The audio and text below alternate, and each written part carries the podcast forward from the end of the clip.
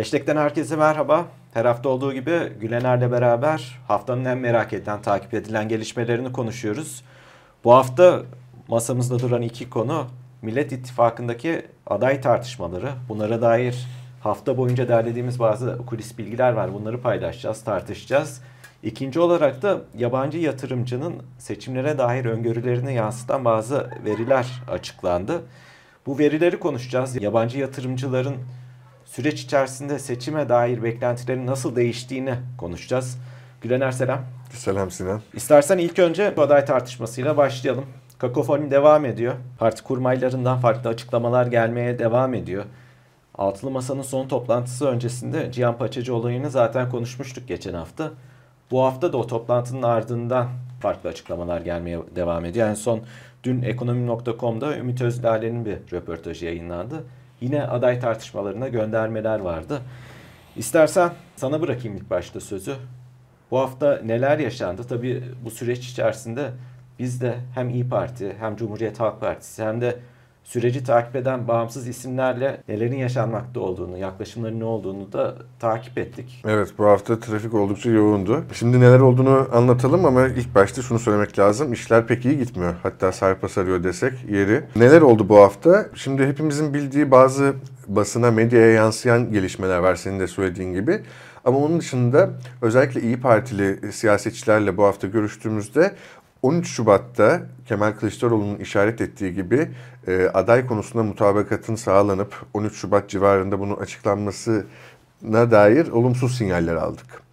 E, yani İyi Parti ve Meral Akşener Kemal Kılıçdaroğlu'nun kendi adaylığını e, dayattığı, Kemal Kılıçdaroğlu'nun adaylığında e, ısrar edildiği e, düşüncesinde ve bundan oldukça rahatsız. Şimdi burada Kemal Kılıçdaroğlu'nun adaylığının yanı sıra bunu daha önceki programda da söylemiştik. İyi Parti'nin ve Meral Akşener'in e, bu rahatsızlığının asıl sebebi bir taraftan da Altılı Masa'nın e, genel yapısı ve Altılı Masa'nın bu adayın belirlenme e, sürecindeki organizasyonel şeması ve daha sonrasında da e, geçiş süreci yol haritasında tıkanıldığını söylemiştik.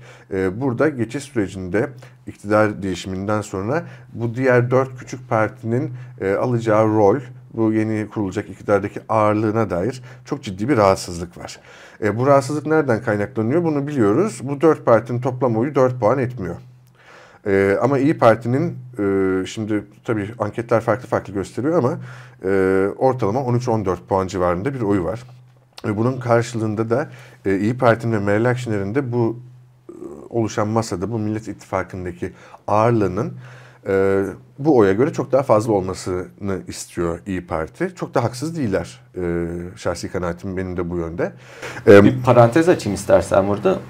Burada bir tarafta tabii İyi Parti'nin senin anlattığın görüşü var. Diğer tarafta bu görüşü dile getirme şekli var. Burada tartışmamız gereken bir diğer noktada sanıyorum İyi Parti evet bu görüşe sahip ama potansiyel aday olan Kemal Kılıçdaroğlu'nu da basın önünde çok sert eleştiriyor değil mi? Evet, evet. Çok doğru. Ne oldu? Bu, bu haftaki grup toplantısında Meral Akşener konuştuğunda e, dedi ki bu dava e, hiçbir koltuk hırsına, şahsi hırsa e, feda edilemez. Burada zaten Kemal Kılıçdaroğlu'nu işaret ettiğini herkes düşündü. Ama işin enteresan tarafı e, dediği şey çok doğru Meral Akşener'in. Meral Akşener söyleyince bunu Kemal Kılıçdaroğlu'na e, ithafen, hitaben söyledi diye yorumluyoruz ama CHP'lerle konuştuğumuzda CHP'ler de birebir aynı cümleleri söylüyor. Bu sefer de onlar İyi Parti'yi ve Meral Akşener'i işaret ederek bunu söylüyorlar. Yani burada aslında şimdi şunu söylemek lazım. E, yani İyi Parti ve CHP, bütün partiler e, bu pasta içerisindeki bu e, benzetmemi mazur görsünler. Çünkü ortada Ali Babacan'ın da söylediği gibi bir ganimet e, yarışı kapışması yok. Ama iş ona dönüşüyor. Çünkü herkes kendi siyasi ikbalini, kendi partisinin ağırlığını korumaya ve arttırmaya çalışıyor. Demin söylediğim gibi pastadaki payını korumaya ve arttırmaya çalışıyor ama böyle devam edilirse ortada bir pasta kalmayacak gibi bir e, düğme, bir e, kilitlenme noktasına dönüştü. E, şimdi İyi Partililerle ve CHP'lilerle konuştuğumuzda da bu hafta boyunca hep bunu söyledik. Sen de görüştün, ben de görüştüm. E, yani kilitlendiği öyle bir nokta var ki herkesin beklediği ve çözüm için olabilecek tek şey Kemal Kılıçdaroğlu ve Meral Akşener'in gerekirse baş başa, gerekirse kurmaylarıyla beraber oturup artık saatlerce neyse bütün eteklerindeki taşları döküp bir karara varmaları lazım. E, çünkü çeşitli hem basın üzerinden senin de söylediğin gibi parti kurmaylarının e, açıklamaları e, iki tarafın bir noktada uzlaşmasına olumsuz etki ediyor. Çünkü liderlerin birebir de söylemediği bazı şeyleri kurmaylar söylüyor. E, buna da iki örnek verelim. Yine bu hafta oldu. Bir tanesini sen söyledin. Ekonomim.com'da Ümit Özder'le bir mülakatı çıktı. Ümit Özder'le dedi ki eğer bu altılı masa, bu masa Kemal Kılıçdaroğlu'nun adaylığını onaylamak için kurulduysa CHP tarafından gerçekten biz onay merci değiliz dedi. Yani biz sadece görevimizde Kemal Kılıçdaroğlu'nun adaylığını onaylamaya indirgerseniz biz buradan çekileceğiz dedi. Yine buna benzer masanın dağılmasına varan e, açıklamalar gelmişti kurmaylardan. Öte yandan e, yine bu hafta İsmail Saymaz yazdı CHP'li bir yetkiliye dayandırarak ismini söylemeden.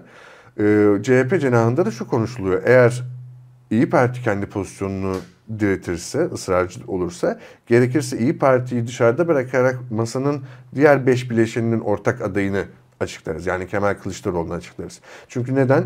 Ee, diğer partilerin bununla e, iyi Parti kadar bir derdi olmadığını biliyorlar.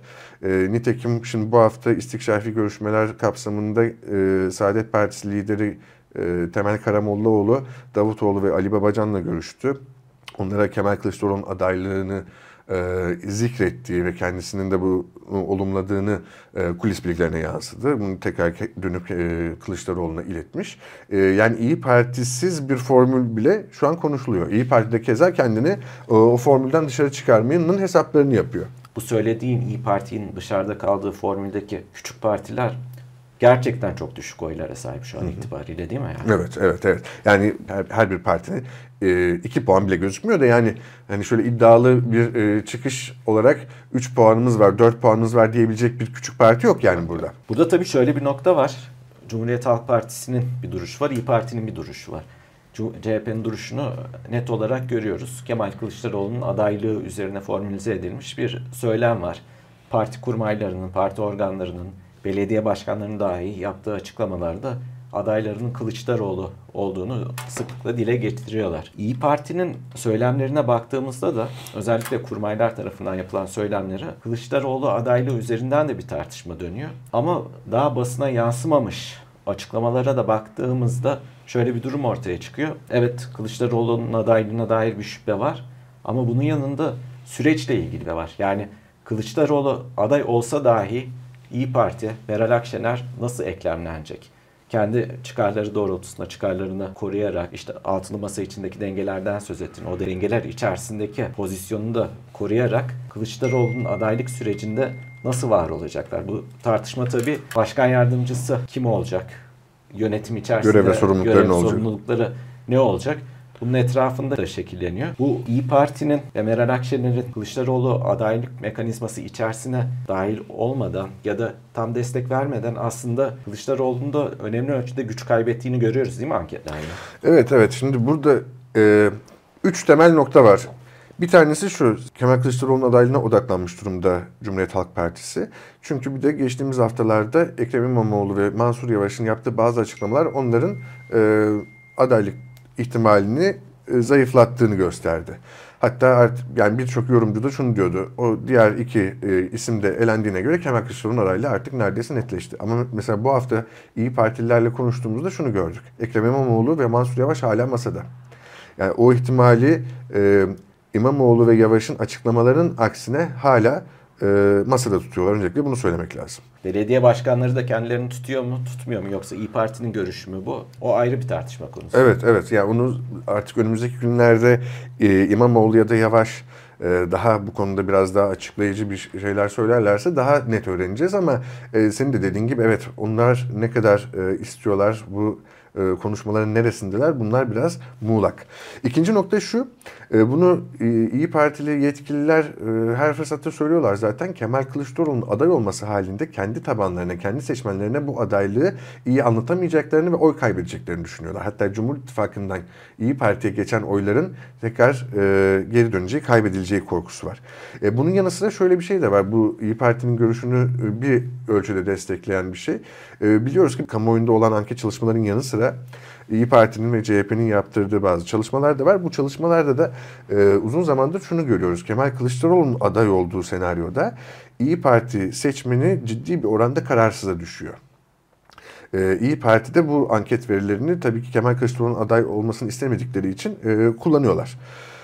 Ama e, bir taraftan da bu çalışmaların çıkardığı bir başka sonuç var. E, Akşener ve İyi Parti açıktan Kemal Kılıçdaroğlu'na destek vermediği için bu seçmen Kılıçdaroğlu'na, e, bu seçmen kararsıza düşüyor. Yani e, gerçekten bir mutabakat sağlanır da herkes el ele verip aday kim olursa olsun onu desteklerse, ağız birliği ederse bu konuda ve güç birliği ederse e, hangi aday olursa olsun muhalefet bloğunun aslında birleştiğini yine bu anket çalışmaları gösteriyor. Ama tabii ki işte kendi partisinin hem e, söylemsel hem de tabanıyla iletişim açısından bir zorluk olduğunu e, söylüyor İyi Parti bu verileri kullanarak. Gelelim üçüncü noktaya yine senin dediğin şimdi sadece şey değil olay. İktidar olduktan sonra başkan yardımcıları nasıl olacak? E, başkan yardımcılarının görev ve sorumlulukları nasıl olacak ve kimler olacak tartışmasının yanı sıra devam eden ve şimdiden başlamış çok önemli bir tartışma daha var. Milletvekilliği meselesi.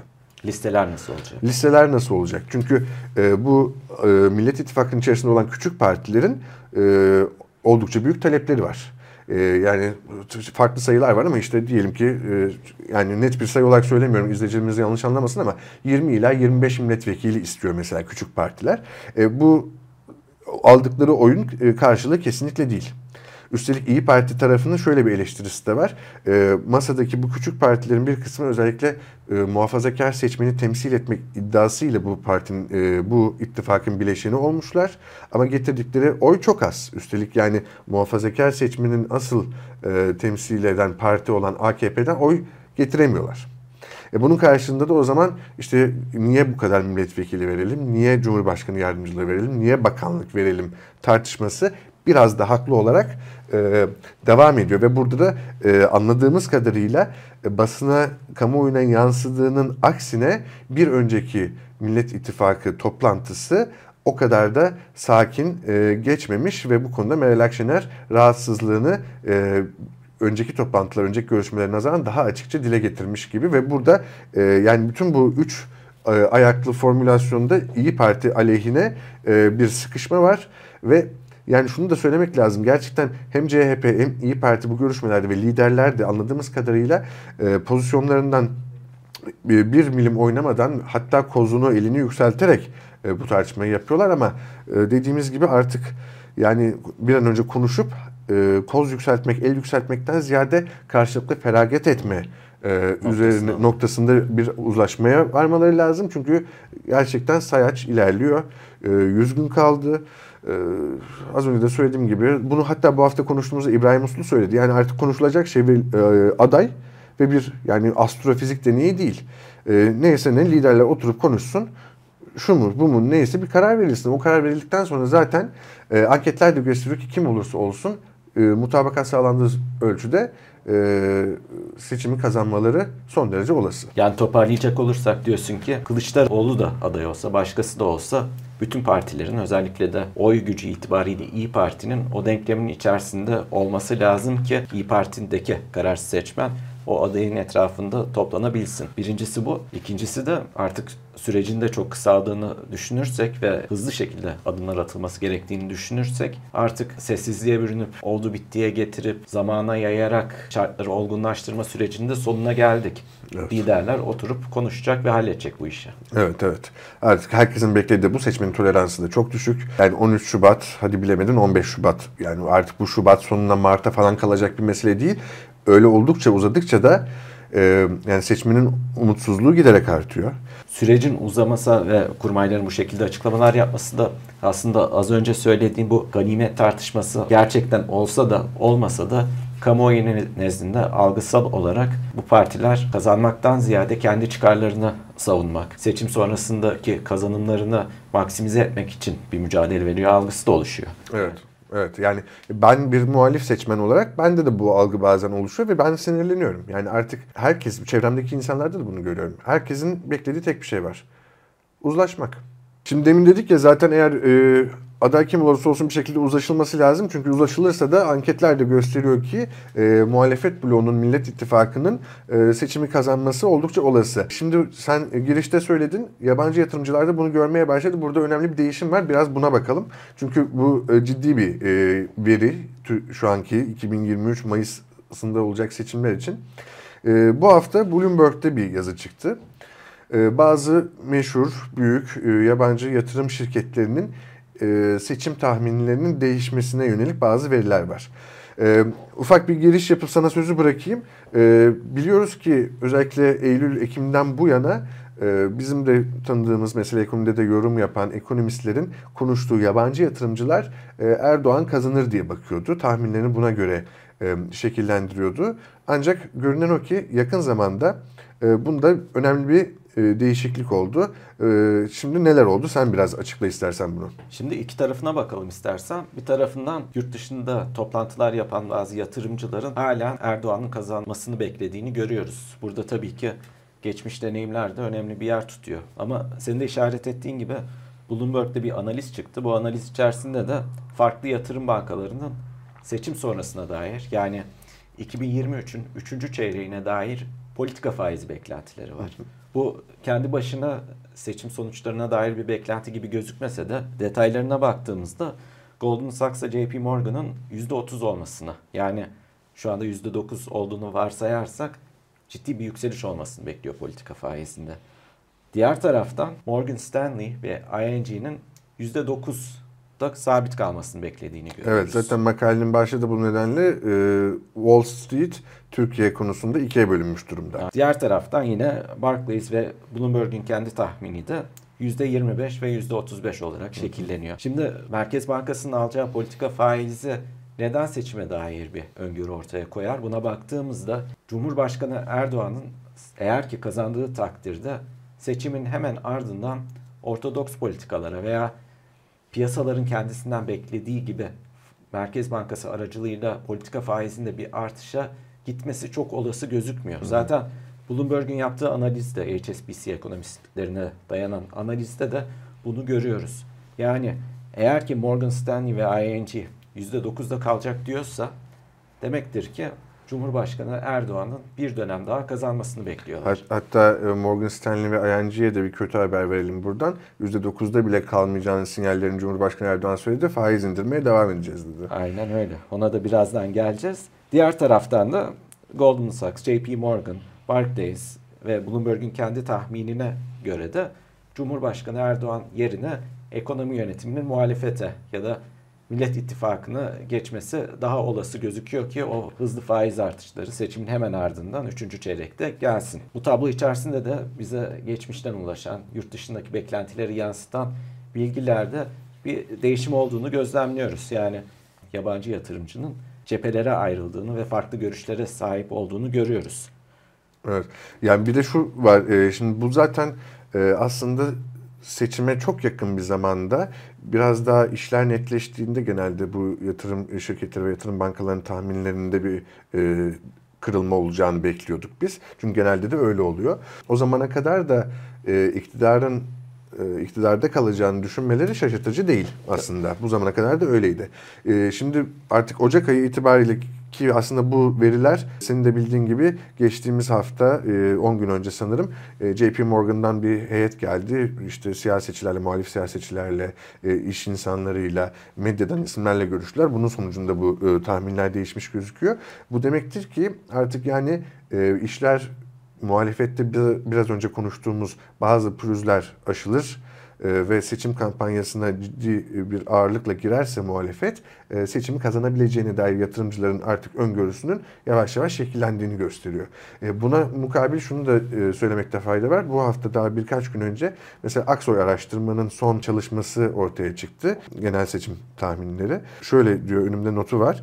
AKP'nin Ekim-Aralık ayları arasında oyu 4,8 puan artmıştı. Ancak Ocak ayında son yapılan değerlendirmede e, bir önceki aya göre 1,2 puan gerileme olduğu görülüyor. Yani hepimizin özellikle e, iktidarın seçim ekonomisi uygulamalarıyla birlikte o yükseliş trendini e, yakalayıp sonra artık yavaş yavaş Şubat, Mart gibi belki de bir düşüşe doğru e, evrileceğini öngörüyordu birçok e, analist. Ee, ama bunun artık Ocak'tan itibaren başlaması zaten eğer bir aksilik olmadığı takdirde o düşüş trendinin seçime kadar devam edeceğini bize söylüyor. Tabii yani bu bir yandan da şunu gösteriyor bize. Asgari ücrete önemli ölçüde bir zam yapıldı. Ee, ve dediğin gibi seçim ekonomisi uygulamaları da hızlı bir şekilde devam ediyor.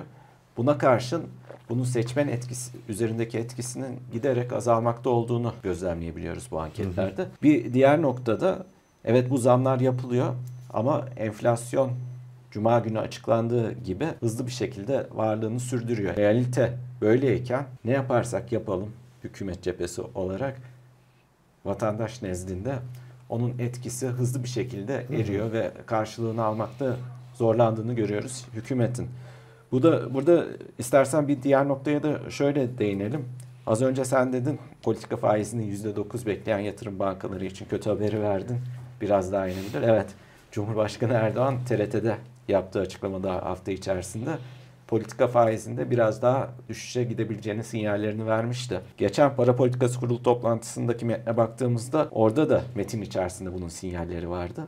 Bloomberg'de bu hafta içinde yayınlanan ikinci bir analizde de böyle olabileceği belirtiliyordu. Ama şunu da bir kenara not düşelim. O analizde Cuma günü açıklanan enflasyon beklentisi %53-54 seviyesindeydi.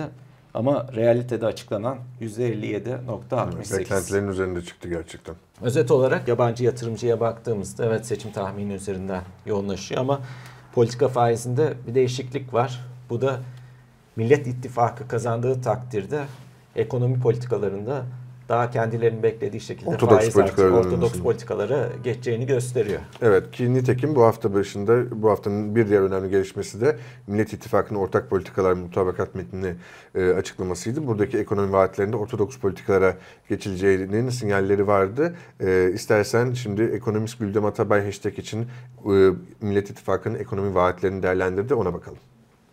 Ben çok makroekonomik hedeflere odaklanmadım. Oradaki en kolayı herhalde doğru para politikası ve iyimserleşen beklentiler üzerinden enflasyonu 2-2,5 yılda e, hızlıca düşürebilmek.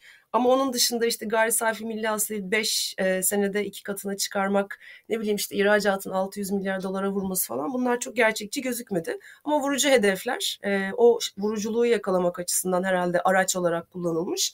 Ama oraya da çok takılmamak lazım. E, çünkü bütünlük olarak nasıl bunu bir kurucu e, e, Türkiye Cumhuriyeti devletini tekrar yerine oturtmaya ve gelişime zemin yaratmak üzere bir araya gelen bir e, program ve bir işte altı değişik olarak algılarsak e, diğer taraftan ekonomi tarafında da serbest piyasa ekonomisini biraz daha sosyal devleti güçlendirerek oturtmaya çalışan bir ekonomi programı olarak e, yerleştirebiliriz kafamızda.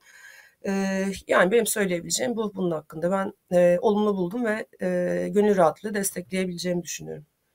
Güldem Atabay'a teşekkür ederek istersen bugün bu haftalık hashtag programına noktayı koyalım. Değerli izleyiciler hashtag programının sonuna geldik. Önümüzdeki hafta görüşmek üzere. Hoşçakalın. Hoşçakalın.